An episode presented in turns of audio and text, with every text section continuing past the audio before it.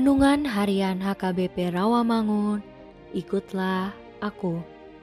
Selasa, 22 Maret tahun 2022.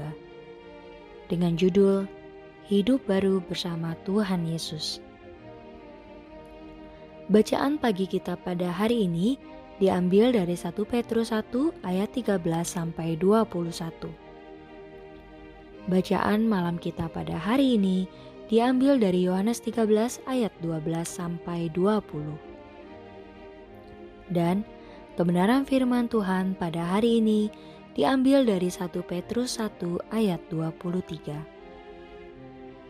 Yang berbunyi, "Karena kamu telah dilahirkan kembali bukan dari benih yang fana, tetapi dari benih yang tidak fana, oleh firman Allah yang hidup dan yang kekal."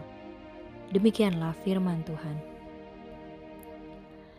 Dilahirkan kembali memiliki arti yang sangat dalam. Karena dilahirkan kembali bukan secara badan yang lahir kembali, tetapi dalam bentuk pertobatan dan kembali ke jalan Tuhan. Kelahiran kembali adalah tindakan Allah dengan memberikan hidup yang kekal. Orang Kristen adalah milik Allah yang telah dipilih oleh Allah sendiri.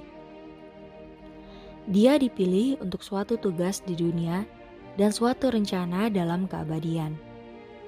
Di dalam hidup di dunia ini, orang Kristen harus mentaati hukum Allah. Hidupan yang dipenuhi oleh Kristus adalah hidup dalam ketaatan, kekudusan, dan kasih persaudaraan. Orang Kristen adalah manusia yang telah dilahirkan kembali, bukan dari kefanaan, melainkan dari ketidakfanaan. Hal ini dapat diartikan bahwa pembentukan kembali orang Kristen merupakan tindakan Allah dan tidak ada sangkut pautnya dengan tindakan manusia. Ini juga sangat memungkinkan berarti bahwa orang Kristen dibentuk kembali karena benih firman telah masuk ke dalam dirinya, seperti yang digambarkan dalam perumpamaan tentang seorang penabur. Bagaimanapun kita mengartikan orang Kristen, telah diperbarui dan dibentuk kembali. Oleh karena dia telah dilahirkan kembali, maka hidup dari Allah tinggal di dalamnya. Sifat agung kehidupan yang berasal dari Allah adalah kasih.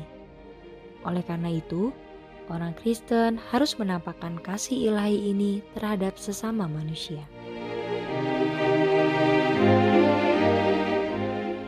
Marilah kita berdoa.